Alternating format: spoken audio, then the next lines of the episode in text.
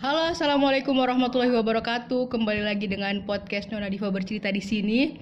Uh, kemarin sempat bermasalah guys, tak pikir nggak nggak bisa ngupload terakhir. Ternyata yang punya Kania ternyata naik juga. Sempat kemarin bermasalah im, aku nggak, maksudnya nggak bisa akses. Ternyata podcastku ke upload, cuman aku nggak bisa akses dari Spotify-ku, nggak tahu kenapa gitu loh. Kali ini aku mau bahas sebetulnya ini isu yang aku agak hindari im. Karena ngapain kita bicara feminisme gitu loh? For me is, done. For me is done ternyata. Tapi ternyata is going too far. Dengan uh, postingan kemarin aku uh, aku lihat ke kamu is going too far. Feminisme is going too far for me ya. Makanya kita akan ngebahas sama Ima. Kita sapa dulu sih sama Ima. Ima juga sudah pernah masuk di podcastku halo Ima. Apa kabar di luar sana? Hai halo Hai Hai guys, ketemu lagi dengan Ima. ya, ini podcast kedua kita ya, podcast kedua Thank kita, buat IGTV keduanya Ima juga. Ini sekarang muka aku kelihatan guys. Halo teman-temannya Ima. Uh, jadi kita bakal bahas soal feminis going too far sebetulnya. Uh, apa ya Ima? Yep. Karena kemarin aku melihat kayak gitu, terus kayak kok permasalahan makanan aja dipermasalahkan sama para feminis-feminis ini kenapa gitu loh? I can say I'm feminist. Yeah. I can say I'm feminist gitu loh. Bahkan di keluarga bahkan di keluarga keluargaku pemikiranku uh, masih sering diperdebatkan gitu loh. Even sama papaku bahkan sama papaku juga kadang kayak kok kamu li cenderung liberal ya? gitu. Cuman cuman buatku uh, kemarin aku lihat di, di Twitter itu kok sampai permasalahan makanan aja dibahas itu loh. Sebenarnya dari itu menurutku we are going too far. Aku nggak tahu nih going too farnya karena kenapa dan apa penyebabnya aku nggak tahu gitu loh. Maksudnya apa sih pendapatmu sih? Im, kita bahas dari itu tadi ya dari uh, Instagram yang rame di Twitter ya. Jadi rame di Twitter itu soal dia yeah. bikin makanan menu makanan mingguan suaminya. Terus bilang ada yang bilang kok mau diperbudak laki-laki uh, apakah laki-laki itu worth it untuk dibikinkan makanan gitu kan terus banyak ada yang bela ada yang juga nggak bela menurut lu gimana sih soal ini yeah. soal tweet ini uh Iya, ya, ya. Jadi uh, mungkin agak dikasih gambaran kali ya buat teman-teman bahwa kemarin tuh Diva jadi ngetek tuh satu uh, satu status dari apa ya dari satu IG gitu IG. tentang perdebatan seorang ibu rumah tangga yang bikin makanan atau bekal untuk suami ke kantor and then gitu kan muncullah seorang perempuan dengan uh, dengan opininya bahwa kenapa sih kita terlalu Eh, nggak uh, perlu kali senice itu kepada hmm. laki-laki gitu kan ya hmm. and then ada yang bilang ketika lo baik sama laki-laki itu sama aja uh, pada akhirnya lo akan tertindas yeah, yeah, iya. dan yeah. etc gitu loh hmm. intinya mereka menganggap bahwa it, it apa is too fine yeah, gitu loh yeah, untuk yeah, setiap hari lo ngasih bekal buat suami lo pergi gitu kan ya pergi kantor dan uh, aku juga sepakat bahwa sebenarnya feminism is done. Mm-hmm. Kalau kita berbicara semangat awalnya feminisme itu gitu kan ya. Feminisme itu. And then day gitu kan ya, maksudnya hari ini gitu. Today uh, feminism is going too far dan I agree with that. Mm-hmm. Kenapa? Karena uh, pembaharuan gerakannya gitu kan ya, pembaharuan gerakannya uh, uh, kemudian apa yang mereka perjuangkan sometimes uh, tidak sudah tidak apa ya sudah tidak membawa semangat awal dari feminisme ya, betul, itu betul, tersendiri. Betul. Even beberapa hal kalau yang kita kalau kita cerna lagi, yes, perjuangan mereka tepat ketika mereka berbicara tentang bagaimana perempuan tidak uh, mengurangi bukan mengurangi yang menghilangkan kekerasan seksual terhadap perempuan, kemudian perempuan di kantor juga harus mendapatkan hak atau jumlah gaji yang sama. dan keramahan-keramahan regulasi terhadap perempuan. Kemudian uh, kebijakan atau program-program afirmasi untuk memberdayakan perempuan itu benar gitu. Tetapi kalau kita berbicara real about feminism, I think uh, mereka menggunakan feminisme ini jadi sebagai ya, alat kayak, iya kayak jadi kayak senjata, ha Jadi kayak senjata menurutku. Uh -uh. Menurutku jadi kayak senjata gitu loh. Uh -uh. Bukan jadi kayak pergerak pergerakan lagi gitu loh. Eh ada kita sapa dulu sama Saras. Saras memantau nih orang uh, Komisi Perempuan Indonesia memantau. Kita takut nih membahas feminisme depan Saras nih. Perempuan Indonesia udah memantau gue iya, jadi deg-degan ya. Kan bahasnya. Makanya. Iya. Uh, iya gitu, itu itu pendapatku di awal gitu. Karena kalau melihat, even ada beberapa uh, sebenarnya nilai nilai esensi feminisme itu kan uh, mereka bukan musuh lelaki. Iya, yeah, iya. Yeah. Feminisme itu bukan musuh lelaki. Itu bukan untuk bagaimana merenggangkan re, uh, relasi antara perempuan dan laki-laki. Feminism talk about human. Hmm. Kalau human means means laki-laki, perempuan, hmm. bahkan uh, LGBT gitu kan. Itu yang mereka maksud kemanusiaan atas nama kemanusiaan gitu kan tetapi kalau kita berbicara uh, the real feminism dari sejarahnya, they don't talk about LGBT, hmm. I mean, ya kan ya? Iya nggak sih? Benar-benar. Sejarah awalnya so, enggak. Sejarah think? awalnya juga enggak. Conference pertamanya juga enggak gitu sebetulnya kan. Conference pertama yang yeah? conference pertamanya juga kalau aku baca-baca juga enggak sebetulnya. Uh, yang jadi yeah. yang benar katamu tadi titik awalnya itu human gitu loh, humanity gitu sebetulnya titik awalnya humanity. Cuman entahlah gitu loh aku nggak tahu nih mungkin karena aku kurang baca atau bagaimana ya uh, soal kasus yang menyiapkan makan ke suami itu apa ya itu karena konsep konsep pemikirannya harus kudu setara gitu loh ini yang sebetulnya menjadi ya. menjadi menjadi seta kalau aku pernah mengutip kata-katanya Bang Mulyadi kalau nggak salah bukan disetarakan tapi diberdayakan gitu loh. Kita selalu setara kok in many ways kita selalu setara. Kalau uh, di podcastku sama Kak Naila juga ngomong uh, yang disuruh nuntut ilmu perempuan dan laki-laki. Kita dibedakan oleh iman itu nggak disebutkan perempuan sama laki-laki gitu kan. Berarti kan kita harusnya setara ya dari dalam konsep keislaman ya. Yeah. Uh, dalam konsep keislaman. Tapi uh, yang aku uh, dan menurutku benar ya dari kata Bang Mulyadi ya waktu itu dia bilang diberdayakan bukan disetarakan gitu loh. Karena memang dari awal konsepnya kita sudah setara gitu loh. Cuman kalau sudah setara sampai sampai ke mana sih kita mau diberdayakan gitu loh? Benar katamu tadi kayak mau dibawa ke gaji yang sama. Itu kan bentuk dari pemberdayaan ya bukan kesetaraan ya. Karena mereka sudah sama-sama bekerja di luar rumah misalnya. Mereka sama-sama bekerja atau pendidikan yang layak itu pendidikan yang layak itu kan bentuk dari pemberdayaan bukan karena semua orang bisa belajar gitu loh semua orang bisa berdaya melalui pendidikan yeah. gitu loh kalau setara menurutku konsep kesetaraan itu hal-hal yang dasar dasar banget sebetulnya kayak uh, dilahirkan dan misalnya dan perempuan melahirkan atau ngurus anak itu kan hal-hal yang hal-hal yang apa ya hal-hal yang dasar banget kalau menurutku setara dan Islam sudah dalam konsep setara itu gitu loh. Cuman mungkin tidak diberdayakan gitu loh. Kalau melihat dari sejarah ya. feminisme juga kita kalau kita tahu uh, uh, kalau lihat sejarah sekilas Aisyah juga ikut perang misalnya kan. Uh, terus juga uh, Khadijah radhiyallahu anhu juga pedagang juga eh, misalnya kan. Kalau menurutku juga apalagi waktu itu kan Nabi sebagai role model ya role model ya tidak mungkin Allah menakdirkan perempuan-perempuan hebat ini menjadi istri beliau. Kan pasti ada ada ada rencana Allah kan menjadikan perempuan-perempuan ini uh, istri Nabi kan. Misalnya Hadijah memang dijadikan istri pertamanya Nabi dan ketika Nabi masih dakwah awal-awal dia mengerahkan hartanya gitu kan. Aisyah juga ini konsep sedikit ya agak bergeser sedikit ya. Uh, Aisyah juga uh, dijadikan. Banyak sekarang feminisme yang menentang kayak uh, kok bisa membela Nabi yang uh, yang mengajarkan yang menikah sama anak umur 9 tahun bla bla bla. Kan itu kita sering dengar kayak gitu ya. Padahal mereka nggak tahu uh, 80% hadis keperempuanan hadis kesehatan perempuan kesehatan reproduksi perempuan uh, uh, hubungan seksualitas antara laki-laki dan perempuan yang di yang di disampaikan oleh Nabi itu periwayatnya hadis Aisyah gitu loh. 80% atau 75% aku pernah baca.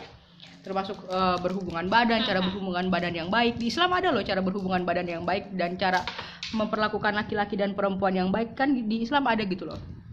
Sebetulnya konsep pemerataan pemberdayaan itu pem, uh, persamaan itu sudah selesai menurutku ya. Cuman pemberdayaannya ini loh yang orang-orang masih masih misconception mungkin ya. Aku nggak tahu nih penyebab misconceptionnya apa Ya, uh, ini juga. Jadi kalau melihat fenomena fenomena perang antara perempuan di media hmm. Hmm, hmm, sosial gitu kan ya, yang uh, eh, anti feminis mengatakan feminazi, kemudian yang feminis dengan segala uh, apa namanya argumennya gitu. Menurut lu, Div, apakah ada yang salah dengan cara apa ya uh, how they deliver of apa namanya misi atau maksud dari feminis ini, feminism ini gitu. Maksudnya maksudnya? Ada miss miss delivering gitu. hmm. apa ya jadi hmm. gini menurutku gitu kan ya uh, ketika sebuah feminisme ini kan kalau sudah feminisme maka itu kan sebuah ideologi kan artinya sebuah ideologi yang itu dijadikan landasan atau instrumen untuk menggali persoalan-persoalan perempuan di sosial masyarakat. Ketika mereka menggunakan uh, landasan teori feminisme ini, kemudian mereka menemukan berbagai macam ketidaksesuaian, ya kan ya, digunakanlah teori ini untuk bagaimana uh, apa ya move di tengah-tengah masyarakat. Dan pasti ada impactnya dong. Iya, ada iya. impactnya gitu. Impactnya secara terlihat ataupun secara pemikiran atau secara uh, mental gitu. Nah teman-teman nih yang ada uh, teman-teman feminis ini yang yang satu salah satu fenomena fenomena, fenomena tadi itu mm -hmm. yang mereka yang kayak nggak suka banget ngeliat seorang perempuan berkali itu dampak dari bagaimana uh, feminisme ini dideliver ke mas dideliver ke masyarakat. Mm -hmm. Ada karena kalau orang orang-orang yang benar-benar paham tentang feminisme saya rasa itu bukan feminisme yang sebenarnya hmm. gitu. Feminism is not like that. Hmm. Perempuan yang menamakan dirinya feminis, tetapi dia melakukan seperti itu atau atau memang benarkah gitu kan ya bahwa memang udah ada pergeseran nih udah uh, pemaknaan dari feminisme itu sendiri sehingga kayak dia mengembang mengembang mengembang dan gak kekontrol gitu loh. Hmm. Ya means that going too far tadi itu hmm ada ada yang salah atau memang kan ya. Karena aku juga kadang bingung sih kalau melihat fenomena di media sosial itu. Iya iya. Kalau aku ngelihatnya konsepnya gini uh, uh, uh, aku ngelihatnya konsepnya gini. Apa ya? Ini aku nggak tahu nih yang nge-tweet yang nge-tweet uh, soal soal si perempuan itu orang Indonesia atau bukan ya. Cuma aku ngeliat gini ada konsep bahwa uh, kita harus tunduk kepada laki-laki. Nah, menurutku, menurutku di konsep dia nge-tweet kayak begitu, dia nge-tweet seperti itu gitu. Dia karena ngerasa itu bentuk dari perbudakan. Ini pendapatku pribadi ya, itu dan ini dalam bentuk perbudakan gitu loh. Padahal menurutku konsepnya bisa aja dia suka memasak dan is part of uh, her happiness to make uh, sandwich buat uh, untuk buat bekal uh, suaminya misalnya kan gitu kan tapi orang-orang itu menganggap bahwa bahwa bahwa melayani suami bukan melayani ya bukan melayani, bikin makan bikin minum ngerapiin uh, dasinya suami berangkat kerja itu hal-hal yang bagian dari perbudakan gitu loh im. Bagian dari perbudakan. Dan menurutku uh, kita kan nggak tahu nih kita nggak tahu nih uh, mungkin dia memang suka bikin bekal untuk suaminya atau mungkin kita nggak tahu nih yang bikin bekal mungkin udah memang eh, pada eh maksudnya yang bikin bekal itu wanita pekerja tapi karena dia senang bikin makanan dia bangun-bangun jam 3 jam 4 demi bekal suaminya. Kan ada kepu kepuasan sendiri kan kita nggak tahu nih. Cuman orang-orang itu karena ngerasa yeah. karena uh, apa pun yang kita lakukan untuk suami itu bagian dari perbudakan. It's like that gitu mungkin pemikirannya mereka. Dan dan dan apa pun yang kita lakukan untuk uh, suami atau pacar misalnya itu bagian dari perbudakan. Ini karena ini aku nggak ngomong suami sama istri ya karena banyak banyak uh, banyak konsep perbedaan antara laki-laki sama perempuan bahkan dalam pacarannya. Sering kan kita sering notice di Instagram Instagram atau di meme meme gitu sering kayak laki kalau pacarnya pakai baju terbuka dia marah. Tapi kalau uh, dia sering nge like ngelakin uh, Instagramnya cewek-cewek yang dadanya terbuka itu kan sering kita jumpai di jokes jokes di Instagram gitu kan. Itu kan selain uh, selain yeah. selain part of uh, double standard sebetulnya selain bagian dari double standard itu sebetulnya karena uh, apa ya konsep pemahaman kita sama laki-laki itu jelas beda. Visu uh, apa ya perspektif kita sama laki-laki itu beda gitu loh. Uh, aku sempat yeah. sudah berkali-kali bilang kalau misalnya nih kita uh, aku kalau kita bermasalah ini aku sering-sering ya ketika kita debat sama kohati di forum atau kita debat sama dan ini aku ini sebenarnya aku tidak pernah percaya sebetulnya hal ini. Perempuan pakai hati laki-laki pakai logika ya sampai aku masuk di hati sebetulnya im. Karena uh, sering sering kita lihat ketika uh, perempuan dalam satu forum dan aku selama ini aktifnya di Kohati ya perempuan dalam satu forum terus forumnya panas di luar forum mereka akan tetap panas walaupun masih bisa berbaikan 2-3 hari setelah itu satu minggu setelah itu. Cuman laki-laki nggak seperti itu im. Habis mereka selesai forum cangkruk biasa cangkruk gitu loh. Ini kan tanda-tanda bahwasanya laki-laki punya apa ya punya stabilisasi. Bukan stabilisasi ya bukan apa ya mereka cenderung memikir dengan cara yang lain gitu loh bukan berarti nggak setara cuma beda begini. Jadi posisinya pemikiran kita bukan atas dan bawah gitu loh. Bukan visioner dan nggak visioner cuma pemikirannya cenderung menggunakan logika yang satu cenderung menggunakan perasaan. Itu nggak ada yang salah sebetulnya. Seakan-akan ketika kita menggunakan perempuan menggunakan perasaan itu dikatain lemah. Ah perempuan pakai perasaan lemah. Tapi buatku it is it's gift it's gift itu benar-benar uh, gift dari Tuhan, gift dari Tuhan buat kita gitu loh. Kita cenderung lebih peka, kita memang apa ya? Itu gift gitu loh. Jangan sampai perasaan ini bilang itu bagian dari kelemahan perempuan buatku itu justru kelebihan. Kita bisa melihat dengan cara yang lebih lebih halus, lebih jernih gitu loh. Walaupun mungkin kita cenderung lebih gampang yeah. baper misalnya tapi kan laki-laki ketika laki-laki uh, menurutku juga ketika cuma memikirkan otak aja misalnya cuma menggunakan logika aja ini kan nggak bagus gitu kan. Kita hanya memikirkan apa perspektif kita kita nggak kita nggak coba untuk berbicara lewat hati sama orang yang maksudnya kita nggak mencari lebih jauh. Menurutku ini uh, cowok pakai logika dan cewek pakai hati itu bukan suatu kekurangannya cowok gitu loh. Eh bukan suatu kekurangannya perempuan itu justru menurutku kelebihannya perempuan itu yang menurutku going uh, titik going to funnya itu di situ gitu loh. Balik lagi ke dia bikin bekal makanan.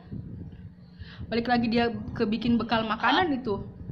Putus-putus suaraku balik lagi ke dia bekal beli bekal makanan. Mungkin itu bagian dari bagian dari kata hatinya bagian dari pemikiran hatinya gitu loh bahwa aku nggak cukup kalau cuma misalnya ini ini dalam bayanganku sih karena aku belum pernah di ini uh, mungkin dengan dia me, dia dia dia makan dari bekalku dia nggak jajan lagi lebih sehat lebih apa. Itu kan hal-hal yang lebih lebih pakai hati gitu loh. Kan sering kan feminisme menggunakan bukan aku tidak mau membenci feminisme ya. I was in in in this line gitu loh. Aku juga salah seorang yang cukup concern dengan masalah-masalah itu sebetulnya mungkin karena karena berada di pergerakan perempuan juga ya.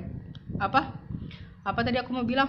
Jadi perempuan menggunakan hati dan laki-laki menggunakan logika itu gift bukan kekurangannya perempuan justru bisa jadi uh, kelebihannya perempuan menurutku. Itu pendapat aku.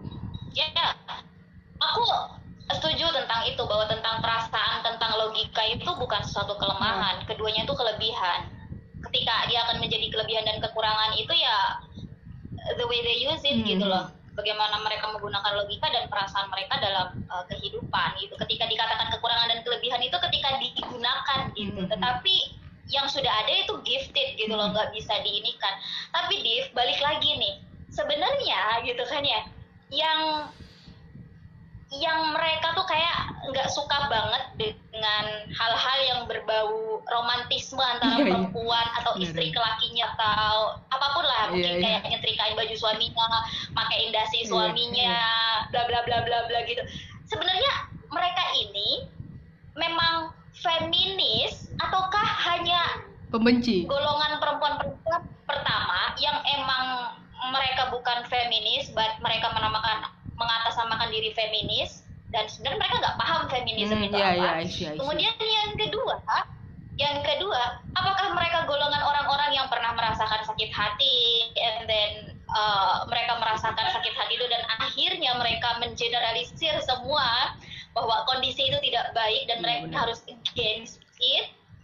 Yang ketiga, gitu kan, adakah uh, yang adakah gitu kalau ini analisisnya harus lebih dalam sebenarnya hmm. adakah uh, satu gerakan yang memang sebenarnya ingin mendegradasi tatanan keluarga di kalau kita mau berbicara lebih serius gitu kan ya ini hmm. bicara konspirasi lagi deh yeah, gitu kan tetapi yang ketiga ini gitu adakah gerakan yang memang itu smooth gitu kayak going so smooth yeah. untuk me, me, apa ya merubah atau bahkan kasarannya merusak. Tatanan keluarga gitu. Mm-hmm. It's not just uh, di Indonesia tapi juga di mana-mana. Iya iya benar. Benar. Karena gini, uh, aku nambah. Jadi karena gini, aku pernah nonton sebuah uh, sebuah film itu judulnya um, A Children uh, A Children of Man. Uh, children, uh, ya, Children of Man. Jadi itu adalah buku apa ya? Uh, sebuah film di mana itu dia jadi filmnya itu gini ceritanya. Singkatnya tuh gini. Jadi kondisi dunia pada saat itu semua negara itu susah banget menemukan perempuan untuk mau uh, untuk bisa hamil kecurigaannya pertama itu memang ada sterilisasi terhadap rahim perempuan hmm. yang kemudian mereka susah uh, ovum mereka susah dibuahi kemudian yang kedua adalah memang pola pikir paradigma perempuan pada saat itu itu uh, apa ya uh, you know tentang pengendalian yeah. tubuh my yeah. body is my right yeah, yeah, yeah. and then berakhir pada aku nikah itu terserah gue hmm. gue punya anak itu terserah gue hmm. gitu kan ya walaupun mereka nikah so ada hubungan suami istri tapi ketika memutuskan seorang perempuan itu harus hamil atau enggak itu ya based on the wife yeah, yeah. not both of them gitu loh yeah, nah uh, film itu menggambarkan tatanan dunia pada suatu hari nanti tuh seperti itu. And it's happened already. Susah banget ambil. Itu udah kejadian. Berujung pada satu semut, ya? Eh, apa apa lanjut lanjut? Gimana? Lanjut lanjut.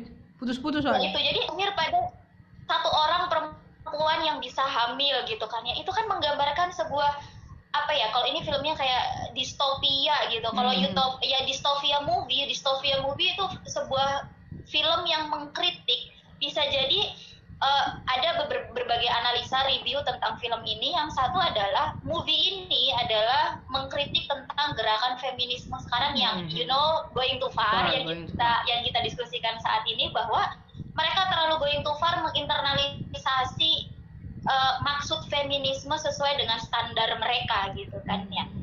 Ya, kan sebagaimana yang kita tahu feminisme sekarang itu ada berbagai macam radikal liberal hmm uh, apa sih ini apa konservatif bahkan dalam Islam pun kita mengenal ada uh, apa itu namanya uh, uh, muslimah progresif yang kayak gitu. Gitu kan perempuan yang mengatas nama, mengatasnamakan dirinya feminis. But which one? Gitu kan? Yeah. which one yang benar-benar mereka memperjuangkan uh, value dari awal mula kenapa fem ada gitu. Ya jadi tiga hal itu deh sebenarnya ya itulah.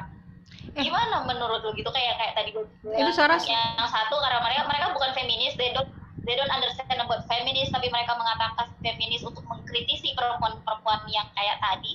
Yang kedua adalah ya uh, mereka adalah korban sakit hati. Betul. yang ketiga ya ini adalah hasil hasil dari gerakan smooth gerakan yang memang mau mendegradasi tatanan uh, keluarga di Indonesia ataupun di mana pun gitu aku menjawab ini guys benar-benar aku kita terharu.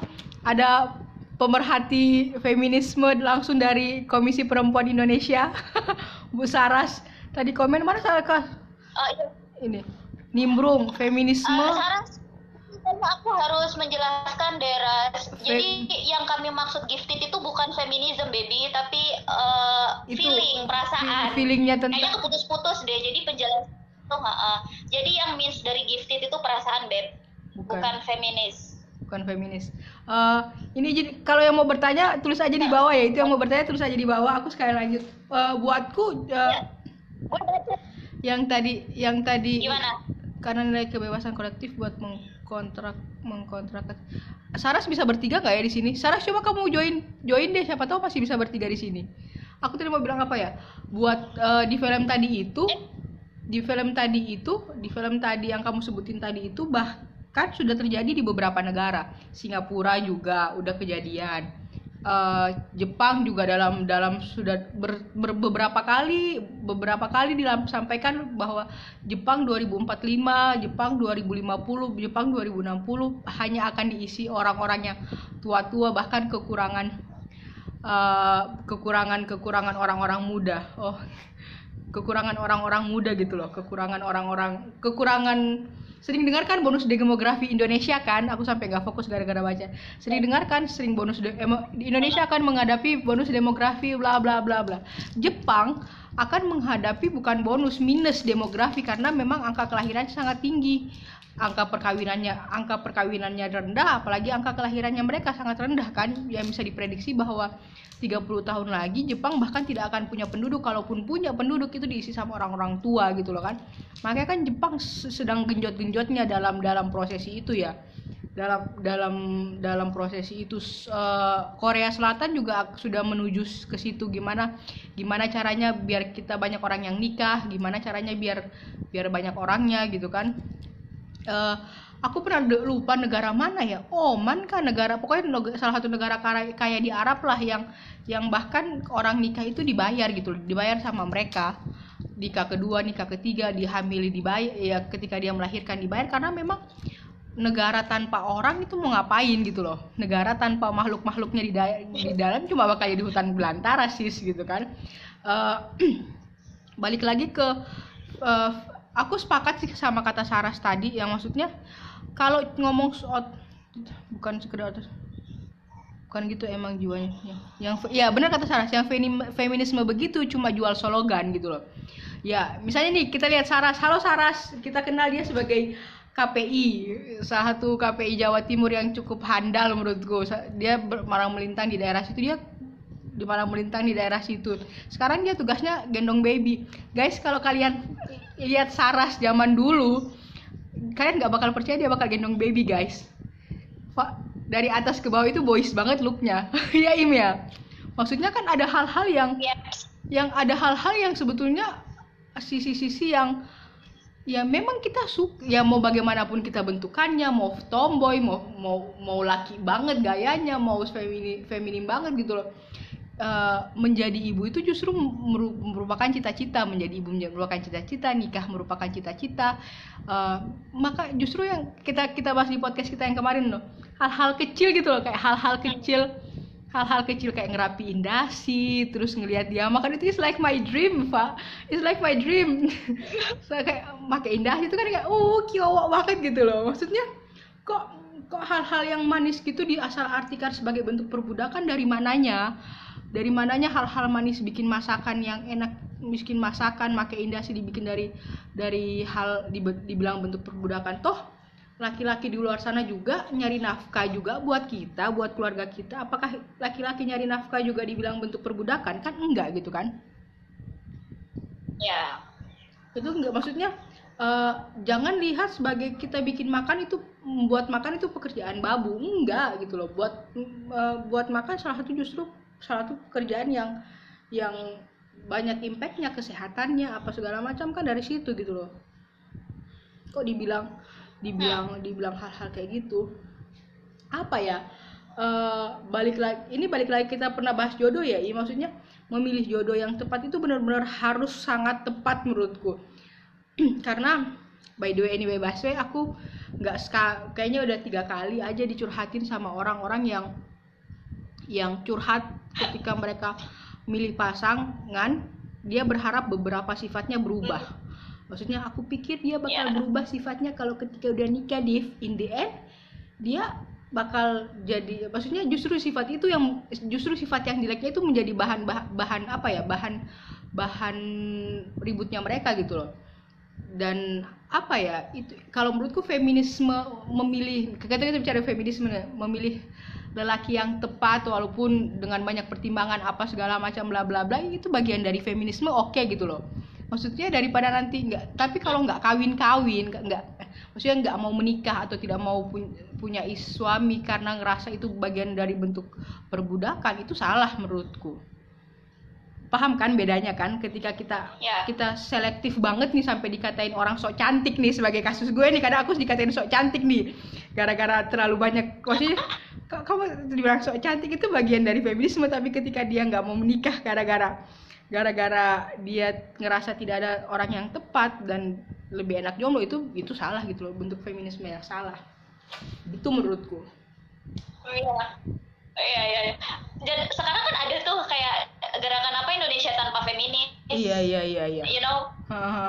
Ya. Nggak uh, uh, ininya mereka. Mereka Indonesia tanpa feminis itu sih sebenarnya kayak ukti-ukti lah iya, ukti-ukti iya, yang iya. mereka kanan banget sebenarnya. Jadi ini udah kayak apa sih negatif and positif Iya, iya, gitu, jadi gitu. gitu kan. Nah eh, Indonesia tanpa feminis ini eh, mereka terlalu ini apa ya bukan bukan terlalu sorry sorry jadi gini eh, Indonesia tanpa feminis ini mereka menjadi antitesanya feminisme Iya. dengan mengatakan bahwa my body is not my right gitu kan Hmm. my body is not my right my body is Allah right Hmm. so eh, ketika aku nikah pun sebenarnya badiku adalah eh, haknya Allah gitu kan jadi bukan my right gitu Hmm. jadi ini antitesanya so what do you think gitu Iya, loh iya, iya. tentang keberadaannya apakah yang sebenarnya seperti ini Indonesia cenderung eh, tepat dengan pandangan eh, Indonesia tanpa feminis ataukah feminis ini yang lebih seimbang lagi atau yang lebih tepat lagi how we see about eh, bagaimana sih gerakan perempuan di Indonesia yang seharusnya Hmm. gitu Eh, ini kalau aku balik lagi ya, eh, aku balik lagi kita bisa berada di tengah-tengah. Aku selalu percaya kita bisa berada di tengah-tengah. Eh, bisa, maksudnya bis, ada pemikiran-pemikiran ustaz, misalnya nih kalau kita sebut merek nih ya, ada beberapa kayak misalnya orang bilang yang keras banget kan kayak Khalid Basalamah gitu kan.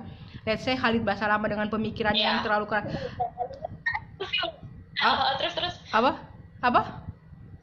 bukan iya iya iya aku juga eh, tapi ada beberapa beberapa petuahnya maksudnya ada beberapa kata-kata yang masuk di otakku bener. Terus juga yang Iya, tapi aku juga setuju dengan kata-kata dan dan per, apa? Ah aku mau ngomong apa sih susah banget. Eh, pemikiran-pemikiran barat yang menurutku juga benar dan kalau misalnya kita sambung dengan dengan pemikiran Islam sebetulnya masih ada masih bisa sejalan. Kalau katakan aku mengutip dan aku pikir kita bisa kok berada di tengah-tengah gitu loh.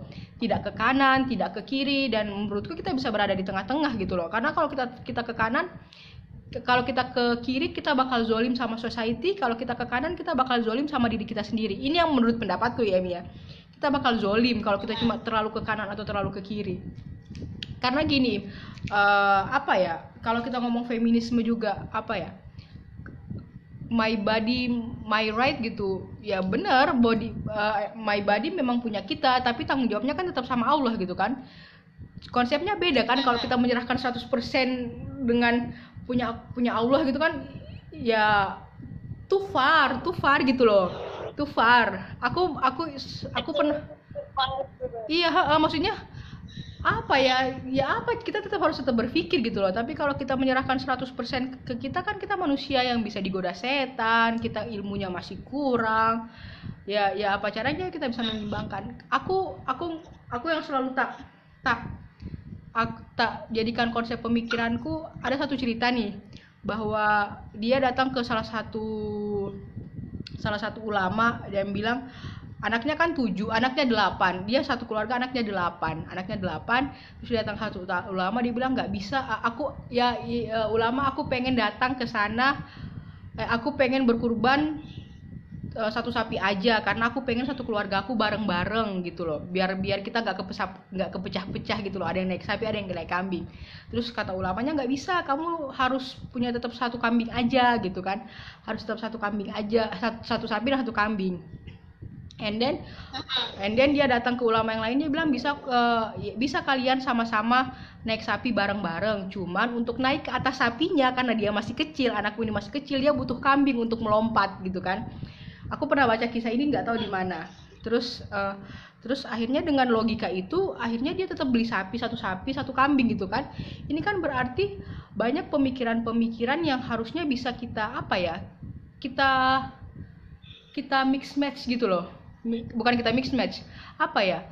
Banyak pemikiran-pemikiran sebetulnya bisa kok kita kita selaraskan kita bareng-barengkan gitu loh. Eh, soalnya ini aku sempat juga bikin podcast ya. Eh, ini aku sempat bikin podcast ya sama temanku. Salah satu salah satu penyebab jatuhnya eh salah satu penyebab jatuhnya kekaisaran Ottoman adalah kurangnya ijtima ulama. Ijtima ulama itu kan bagian dari tangga itu, bagian dari tangga itu kan, bagian dari tangga untuk mencapai suatu hukum kan. Jangan bilang hadis Nabi nggak boleh, itu cuma ijtima ulama itu kan bagian dari tangga tangga itu gitu loh. Dan kita kalau kita ngebahas ke feminisme sebetulnya kita kalau kita terlalu kanan kita bakal zolim sama diri kita sendiri kalau kita terlalu kiri kita bakal zolim sama sama sama agama kita sama Allah gitu loh kita bakal jadi tidak percaya Allah sebetulnya aku ngelihat konsepnya lebih lebih ke bisa lebih ke kayak gitu sih sebetulnya im untuk menanggapi isu isu feminisme feminisme gini. Balik lagi ke isu feminisme yang yang going too far ya. Bisa Uh, iya benar-benar kata Saras. Kita uh, itu tergantung komitmen dari pasangan gitu kan. Namanya pernikahan itu kan we you and me kan? Nggak ada pernikahan itu cuma satu orang misalnya kan? Jadi ada omong-omongan di situ ya kak. Ya ya ya tetap komunikasi jalan intinya. Jangan dianggap kita kerja kita di rumah aja itu bagian dari perbudakan. Padahal orang yang di rumah aja itu bagian dari padahal di rumah aja itu dengan konsekuensi A B C D gitu.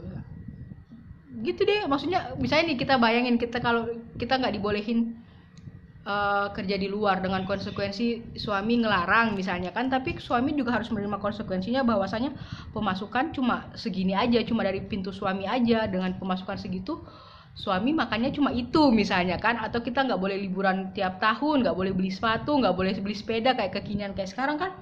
Itu tetap harus kita bicarakan sebetulnya im. Sebetulnya kalau kita ngelihat dalam konsep pernikahan ya. Berhubung aku belum nikah Saras jadi bener banget kata-katamu tapi tergantung komitmen kedua pasangan udah ada, udah ada testimoni. Iya udah ada testimoni guys. yang udah nikah. Kita nggak klip. Iya kita nggak klip. Berarti kita apa? Apa? Kita kita kita ber, uh, maksudnya yang lu yang lu sampaikan tadi artinya nggak klaim doang. Iya, udah ada testimoni dari yang sudah menikah bahwa Betul. it's all about komitmen ya kan ya Hmm. kesepakatan gitu kan. Benar benar. Antar pasangan. Benar benar, benar. Uh, so ya gitu jadi eh, eh, uh, apa tapi memang gitu jadi gini ada kayak beberapa usaha kayak yang lu contohin tadi Ustadz uh, Basal Amah memang sometimes apa yang dia sampaikan adalah benar. Mau nggak Hmm. mau uh, apa apa yang beliau sampaikan adalah benar gitu. Hmm. tetapi apa ya dia pernah menyampaikan apa? Ini se- ya sometimes mereka yang terlalu uh, terlalu keras dan terlalu patriarkis gitu loh pandangannya gitu. Mereka adalah secara ilmu ya.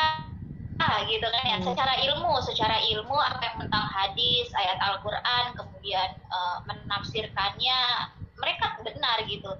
Tetapi ketika dihubungkan dengan eh, kondisi sosial masyarakat hari ini eh, sometimes mereka tidak terlalu eh, menyesuaikan Hmm. gitu. Sehingga apa yang disampaikan itu masih masih ter- terlihat dan cenderung sangat patriarkis iya gitu. iya betul belum ini gitu loh belum mudah untuk di diterima juga gitu. Jadi ini yang kanan banget gitu loh yang kayak lu bilang kan kalau kanan banget itu kayak menzolimi uh, diri sendiri dan fenomena ustadz-ustadz artis atau ya ustadz-ustadz artis kemudian banyak yang muncul dengan argumen mereka. Sebenarnya banyak ustadz juga yang memang sudah uh, yang me- memang mereka secara ilmu sudah uh, mumpuni memang yang sudah ahli lah gitu expert tetapi banyak juga kayak ustadz-ustadz yang tiba-tiba muncul dengan perspektif mereka dan diperparah dengan mereka yang sangat patriarki.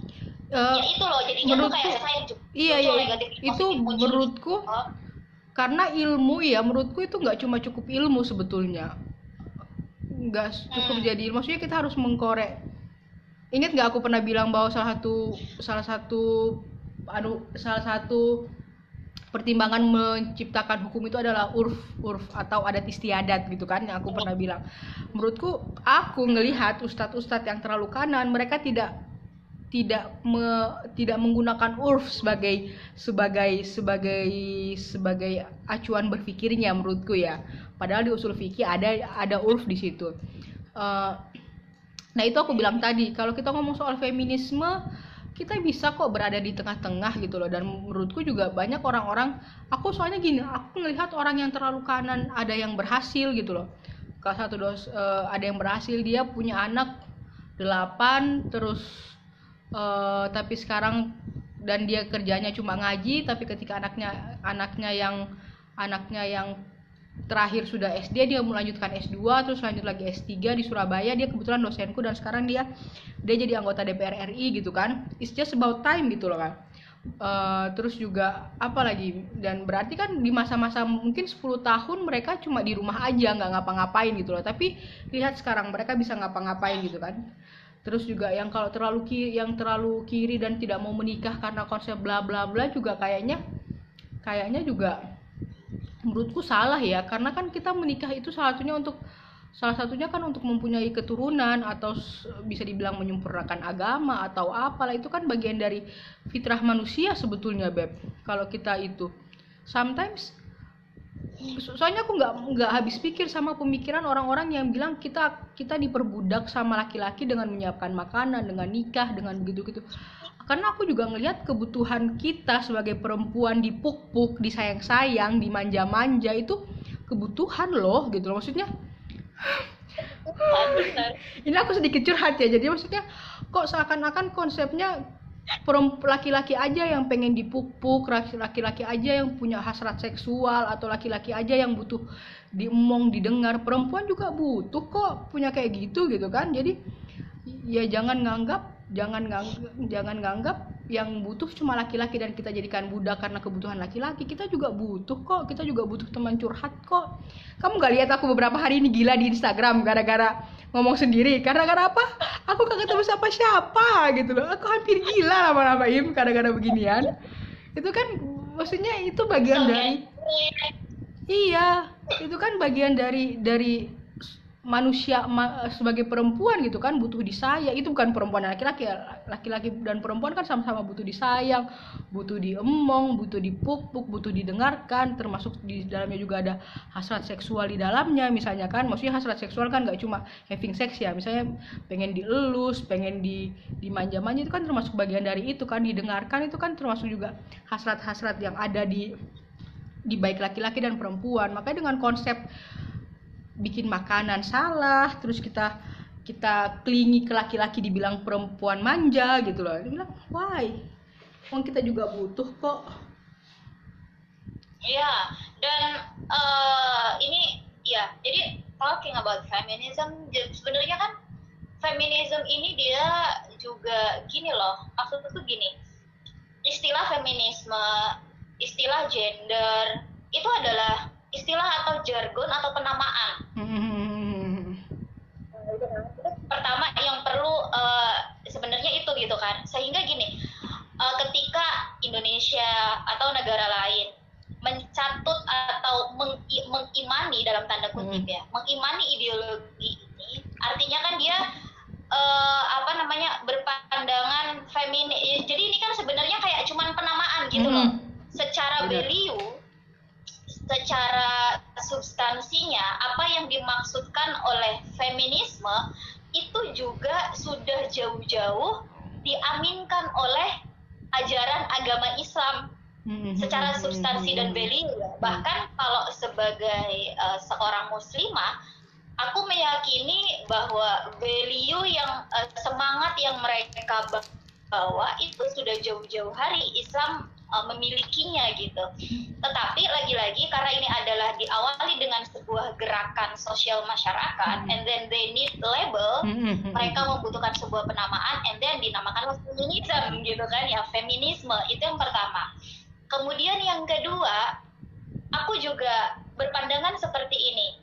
Di dalam sosial masyarakat itu pasti akan berideologi berdasarkan pengalaman dan kondisi hidup yang mereka alami kan dan muncullah ideologi-ideologi gitu kan ya.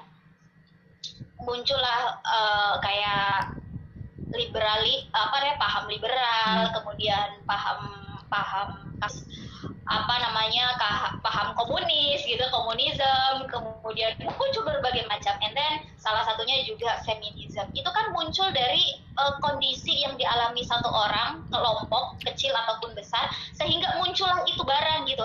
Tetapi ideologi ini kan dia temporary, mm-hmm. temporal kan, nah, maksudnya temporary, dia tidak akan berlangsung lama karena based on need, social need gitu kan. Apakah paham ini uh, masih sesuai dengan kondisi sosial masyarakat pada saat ini? Jika dia sudah tidak sesuai, itu akan ditinggalkan atau akan berganti dengan uh, membangun sebuah ideologi baru untuk menjawab kondisi atau kebutuhan saat ini Nah, tetapi tidak dengan agama gitu. Kalau kita mau uh, tetap berpegangan pada agama ya, tapi beda dengan agama. Ideologi not like uh, religion hmm. gitu kan ya. Religion jangankan Islam, agama lain, agama samawa, samawi lain gitu kan ya, dia akan ada hingga akhir zaman nanti. Why? Karena mereka punya fondasi nilai, uh, karena agama-agama itu punya fondasi nilai yang uh, sesuai dengan kebutuhan zaman sampai nanti. So that why gitu kan ya. Sebenarnya kan terkadang orang-orang ini kayak terlalu berpegang teknologi hmm. dan melupakan agama, melupakan hmm. dalam tanda kutip ketika menggali sebuah permasalahan, ketika uh, melakukan kayak mau, mau membuat regulasi atau mau melakukan kritik atau mau melakukan gerakan terlalu menggunakan ideologi sehingga melupakan bahwa we have religion yang sebenarnya punya value, hmm. punya uh, punya dasar yang itu more than ideologi gitu, you know. Hmm. Jadi fenomena feminis ini yang tadi going too far yang terlalu yang ter karena olah melupakan bahwa agama samawi mana pun itu udah ya menjawab gitu kan kebutuhan nih bagaimana konstruk agama itu masuk. Dan saya pikir agama itu bisa bisa Ima putus-putus. Ima putus-putus. Kayaknya gitu, tinggal lima menit lagi deh. Maaf aku potong. Kayaknya tinggal lama-lama lagi di Instagrammu. Kayaknya tinggal lima menit lagi di Instagrammu. Soalnya aku ya, kita udah 46 menit. Kita sambung ya. Jadi ada tinggal 8 menit ya, tinggal 7 6 menitan lagi lah. Hmm. Iya, jadi gitu loh, Beb. Uh, kadang kayak gitu. Mereka kadang melupakan gitu loh. Melu melupakan kita punya sesuatu yang lebih gitu. Sehingga yang kanan pun ya mereka menggunakan dasar-dasar agama. Tetapi mereka melupakan sosial apa budaya mereka melupakan urf tadi. Hmm. mereka melupakan urf itu sehingga pure they use uh, logic only uh, logic. namanya, only logic they use. Ya logika Al-Quran apa logika Al-Quran. Mereka menggunakan Al-Quran mereka menggunakan hadis dan itu secara uh, letter like gitu mm-hmm. tidak menimbang menafsirkannya itu ada kita tuh hidup ada urf loh ada masyarakat ada sekumpulan manusia mm-hmm. yang bener, perlu dipikirkan gitu loh itu tuh kata-kata Sarah bagus tuh aku suka semangat kesetaraan sudah ada dari dulu cuman oh, emang iya. kesadaran manusianya tergantung sama ideologi yang dia punya ini kan berarti tentang campaign sebetulnya bukan tentang fenomena yang baru sebetulnya. Sebenarnya tentang campaign aja kita ngebahas ini. Campaign gimana kita biar masuk sampai ke masyarakat kelas menengah kecil bahkan masyarakat yang sangat miskin atau bahkan ke masyarakat yang sangat kaya misalnya kan. Karena kan isu yang kemarin soal feminisme kan yang rame juga. Soal uh, yang uh, apa ya soal apa ya aku lupa baca. Terus karena mereka nggak pernah ngerasain gimana harus nyari duit perempuan nyari duit nggak terus mereka nggak pernah ngerasain ini kita kayaknya bakal, bakal bahas lebih jauh lagi dan kita butuh pakar ya di sini ya. Maksudnya kita lebih lihat di pakar ya. Cuma as as my view gitu loh view uh, pendapat aku uh, kita bisa kok berada di tengah-tengah. Ini statementku yang selalu aku bicarakan ketika ngomong keislaman ya. Kita ke apa pun baik ekonomi Islam baik keperempuanan politik Islam atau apa pun kita ber, bisa kok berada di tengah-tengah. Karena memang kita harus berada di tengah-tengah gitu loh. Dalam artian masyarakat ini kompleks banget masyarakat ini banyak banget jenisnya. Per kepala per kepala beda per per orang-orang beda dengan akses. Dan apalagi dengan akses kita bisa tahu informasi negara lain dalam hitungan detik misalnya kan. Uh, uh, kita dan ketika kita tidak kita tidak cepat mengatasi ini kita bakal ketinggalan gitu loh im apalagi dengan teknologi yang makin cepat ya. Maksudnya kita harus berada di tengah-tengah biar kita tidak tidak dianggap egois gitu loh. Biar kita juga tidak dianggap uh, me, me, apa ya menjudgmental orang-orang gitu kan. Menurutku apa pun pendapat yang kamu berikan ke aku tak terima gitu loh. cuma aku punya pendapat lain uh, kamu juga harus nerima gitu loh. Ini ini ini ini selama setahun terakhir lah. Setahun dua tahun terakhir lah aku belajar soal itu gitu loh bahwa saya apa pun pendapatmu tentang itu tak terima. Tapi aku juga punya pendapat lain soal itu dan tolong hargain gitu loh. Toh kita hidup juga soal kehidup, keputusan kita sendiri misalnya keputusan kayak misalnya aku kenapa sampai sekarang belum nikah karena memang uh, I'm still looking for the right man gitu misalnya kan. Atau kenapa aku lebih memilih S2 dulu atau dan nggak nikah atau anu karena aku buatku ya S2 itu bagian aktualisasi diriku nanti ke depan untuk sama anak-anakku sama keluarga lebih kayak gitu juga sih sebetulnya. Aku ngelihat ngelihat ngelihatnya feminisme lebih ke gitu sih. Bebaskanlah mereka berpendapat.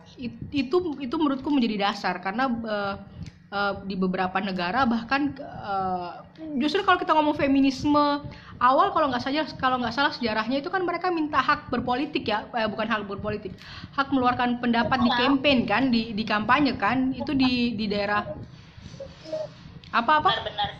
Itu kalau dari sejarahnya kan memang dari oh, awal iya. itu gitu kan yang justru kan kalau kita lihat sejarah awal feminisme barat, feminisme barat ya, feminisme digadang-gadang sebagai feminis barat, justru yang mereka minta itu cuma hak untuk bisa memilih kepala negaranya atau bisa memilih wakilnya. Lebih nggak ada tuh hak yang aneh-aneh gitu loh. Maksudnya tidak ada hak aneh-aneh, cuma mungkin orang berkembang, berkembang, berkembang ya. Tidak ada hak yang aneh-aneh. Salah satu ulama Mesir apa? Siapa sih nama yang ulama Mesir?